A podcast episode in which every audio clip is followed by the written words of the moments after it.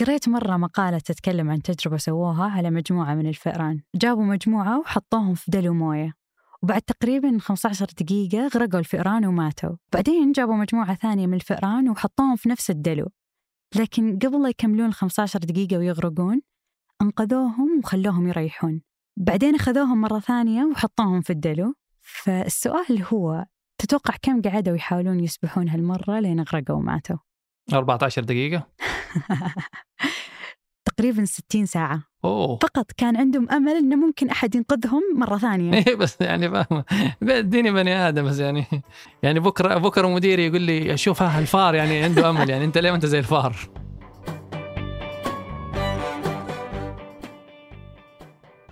هذا بودكاست الفجر من ثمانية. بودكاست فجر كل يوم نسرد لكم فيه سياق الأخبار اللي تهمكم. معكم أنا ثمود بن محفوظ. وأنا ديما العامر.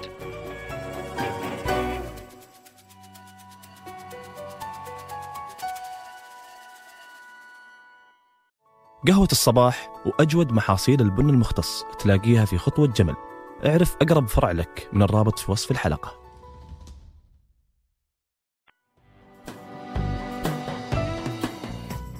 قبل سنتين ونص اقتحمت السلطات الأمريكية القنصلية الصينية في مدينة هيوستن بولاية تكساس بعد ما اتهمت أمريكا الصين إنها حولت القنصلية إلى وكر للجواسيس وغرفه عمليات عشان يسرقوا الحقوق الملكية الفكرية الأمريكية. وفعلا وجه الرئيس الأمريكي السابق دونالد ترامب وقتها بإغلاق القنصلية وإخراج كل الدبلوماسيين الصينيين. لكن الصينيين ما طلعوا إلا بعد ما حرقوا كل الوثائق اللي كانت معهم في القنصلية وهو الشيء اللي استفز أمريكا. وقتها طلع وزير الخارجية السابق مايك بومبيو وهاجم الصين بتصريحات قوية خلته واحد من أكثر الأشخاص المكروهين في الصين إلى يومنا هذا. الشاهد في الموضوع أن المناوشات بين الصين وأمريكا عشان التجسس ما هي جديدة بل مستمرة من سنوات لكن الجديد هو جرأة الصين اللي تزيد يوم ورا يوم وتواصل تتحدى أمريكا. مو بس اقتصاديا لكن أمنيا أيضا بعد أزمة المنطاد الصيني اللي اخترق الأجواء الأمريكية في الأسبوع الماضي. هذه الجرأة تذكر بتصريح الرئيس الأمريكي الراحل ريتشارد نيكسون اللي مهد لتدشين العلاقات الدبلوماسية مع الصين. نيكسون رغم أنه دعم العلاقات مع الصين لكنه عبر في أحد المناسبات أنه خايف من انفتاحه على الصين والسماح لهم بفتح صلات مع العالم لأنه هذا الشيء ممكن يخلق عدو شرس. وفي عز اتهامات التجسس بين أمريكا والصين طلع وزير الخارجية السابق اللي ذكرناه مايك بومبيو وصرح إنه مخاوف نيكسون أصبحت واقع، فجيش الصين وتقنياته تتطور باستمرار واقتصادها في نمو قوي لدرجة إنه ممكن يتجاوز الاقتصاد الأمريكي ويصير الأكبر عالميا بحلول 2030. عشان كذا كان مشهد تحليق المنطاد الصيني الأسبوع الماضي في أجواء أمريكا لاكثر من يوم مثير للجدل، واضطر الرئيس الأمريكي بايدن بعد ضغوط كثيرة إنه يتدخل ويوجه بإسقاط المنطاد بعد تردد من هذه الخطوة لتجنب التصعيد وأيضا لحماية السكان. ولمدة ساعات تم إيقاف حركة الطيران في المدن القريبة من مسار المنطاد، ولما وصل سواحل كارولاينا الجنوبية استهدفته مقاتلات أمريكية من طراز إف 22 واللي كان بمثابة استعراض قوة أمريكية في وجه النفوذ الصيني المتزايد اللي تجاوز الحدود ووصل لأمريكا. الصينيين كان لهم موقف مختلف. استنكروا استهداف المنطاد وقالوا إنه منطاد مدني يستخدم للأبحاث مو للتجسس. وفي المقابل الامريكان رفضوا هذه التبريرات وقالوا إن المنطاد هدفه الأساسي التجسس خصوصا إنه كان يحلق بالقرب من مواقع حساسة وتحديدا فوق ولايه مونتانا اللي تعتبر موطن لمنشآت الصواريخ الباليستية الأمريكية وقواعد القاذفات الاستراتيجية. بالإضافة أنه التقارير ذكرت أنه المنطاد الصيني إمكانه أنه يرصد معلومات عن أنظمة الاتصالات والرادارات الأمريكية ويرصد إشارات الجوالات والراديو. يعني باختصار هذا المنطاد المزود بكاميرا ورادار يقدر أنه يجمع للصين معلومات استخباراتية حساسة ممكن تستخدمها ضد أمريكا. لكن مثير إنه في مسؤول أمريكي وزاره الدفاع قالوا إنه أيام الرئيس ترامب دخل منطاد صيني للأجواء الأمريكية ثلاث مرات وما تم إسقاطه، وهذا الشيء يطرح تساؤلات كثيرة عن الأسباب اللي خلت أمريكا ما تتغاضى عن المنطاد هذه المرة. المناطيد كانت الخيار الأول والأمثل للتجسس وجمع المعلومات الاستخباراتية لأنها رخيصة وصعب اكتشافها. وازدهر استخدام المناطيد في أيام الحرب الباردة وأمريكا نفسها استخدمتها للتجسس على خصومها. لكن مع ظهور الأقمار الصناعية قلت أهمية المناطيد وصارت إمكانياتها ضئيلة أمام قوة الأقمار الصناعية. عشان كذا لما حلقت مناطيد صينية فوق أمريكا قبل سنوات ما نظرها المسؤولين العسكريين أنها تهديد أمني كبير. لكن اللي تغير بقصة المنطاد الأخيرة هذه هو أن أمريكا حست أنه هذا المنطاد أكثر تطور من اللي قبله. وأنه هذا المنطاد وبعكس غيره قادر على المناورة وهذا بحسب كلام باتريك رايدر المتحدث باسم وزارة الدفاع الأمريكية. ومع كذا اللي كان لافت للانتباه هو تأخر إدارة بايدن في استهداف المنطاد وانها ما استهدفته قبل لا يدخل أمريكا أو حتى بعد ما دخلها مباشرة. وهو الشيء اللي خلى البعض يقول إنه الضغط الشعبي على بايدن والحرج اللي ممكن يسببه التغاضي عن انتهاك أجواء أمريكا هو واحد من أسباب التحرك العسكري. لكن المنطاد التجسسي وتطوره هو مجرد نقطة في بحر الاتهامات الغربية للصين بالتجسس وبطرق وبأدوات مختلفة. فأمريكا تتهم الصين إنها ترسل طلاب للدراسة في أمريكا وهم بالأساس جواسيس ومخبرين، وتتهمها أيضا بتجنيد واستغلال أفراد وضباط في المخابرات الأمريكية للعمل لصالح الصين وضد أمريكا. وهذا الشيء بحسب دعاوى قضائية مختلفة تكرر في فرنسا اللي كان جهاز الاستخباراتي هدف آخر للصين. وبالإضافة لذلك ففي تقارير تقول إنه الصين متهمة باستخدام مواقع تواصل عشان تجند عملاء للعمل لصالحها. والأخطر بالنسبة لأمريكا هو التجسس التجاري وسرقة الملكية الفكرية اللي عانت أمريكا منها كثيرا. لأنه هذا الشيء يخدم الصين ويسرع من صعودها الاقتصادي بأقل جهد وموارد في حين أن الشركات الأمريكية تنفق المليارات عشان تطور الأبحاث وابتكار تقنيات متطورة.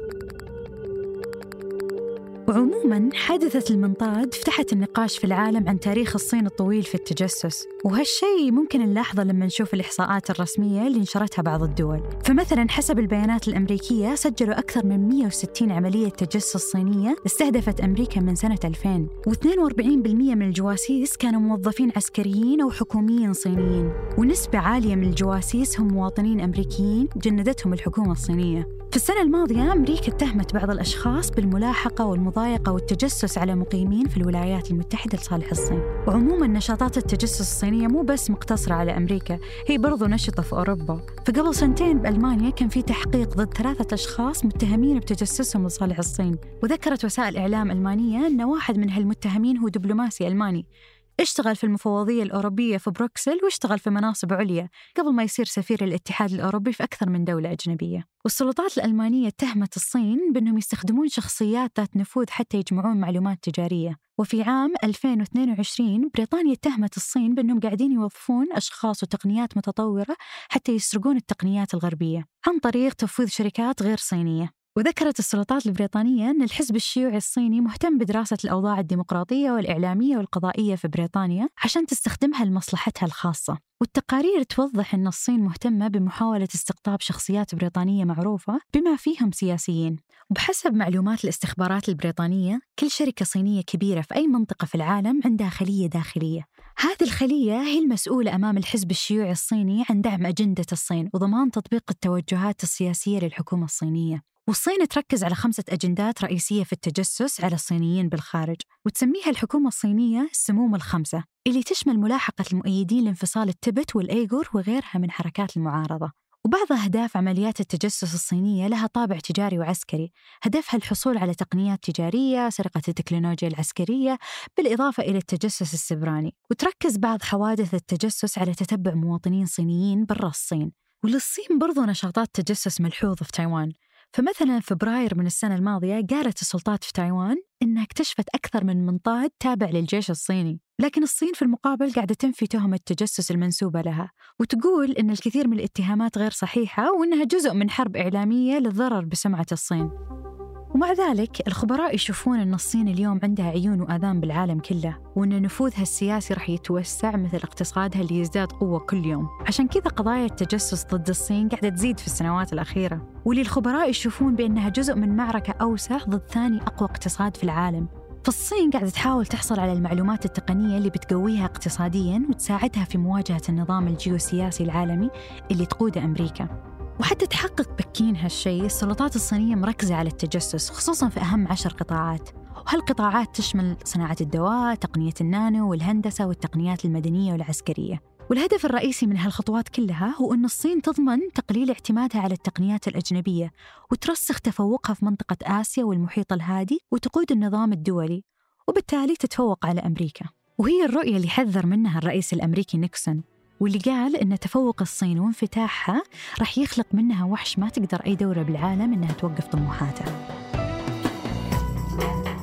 قبل لا ننهي الحلقة هذه أخبار على السريع. يسعى رئيس هونغ كونغ جون لي في زيارة له للشرق الأوسط تشمل السعودية والإمارات أنه يجذب استثمارات من أرامكو السعودية للبورصة المالية في بلاده. رئيس هونغ كونغ قال أنه رؤية واحتياجات التنمية في السعودية والإمارات تتماشى تماما مع مزايا تطرحها هونغ كونغ للمستثمرين ورؤوس الأموال. لي يسعى هو والمسؤولين الماليين في هونغ كونغ إلى أخذ موافقة مسؤولي أرامكو على طرح ثانوي للشركة في بورصة هونغ كونغ.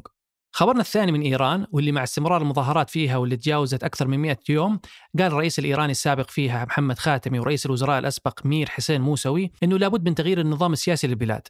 خاتمي طالب بايجاد وسائل سلمية لإحداث إصلاحات حقيقية. خاتمي اللي تولى رئاسة إيران من 97 إلى 2005 عبر عن اسفه لعدم وجود أي دلالات على توجه للإصلاح ممن هم في السلطة اليوم. وفي الخبر الثالث أعلنت جوجل أنها استثمرت 400 مليون دولار في شركة Anthropic الناشئة اللي تطور برنامج منافس ل ChatGPT. ومايكروسوفت أعلنت قبلها بشهر تقريبا أنها بتستثمر 10 مليار دولار في شركة OpenAI وهي الشركة اللي طورت ChatGPT. وهذا يعني أن عملاقي تكنولوجيا Alphabet و Microsoft دخلوا في سباق ومنافسة جديدة على تقنيات البحث المدعومة بأدوات الذكاء الاصطناعي.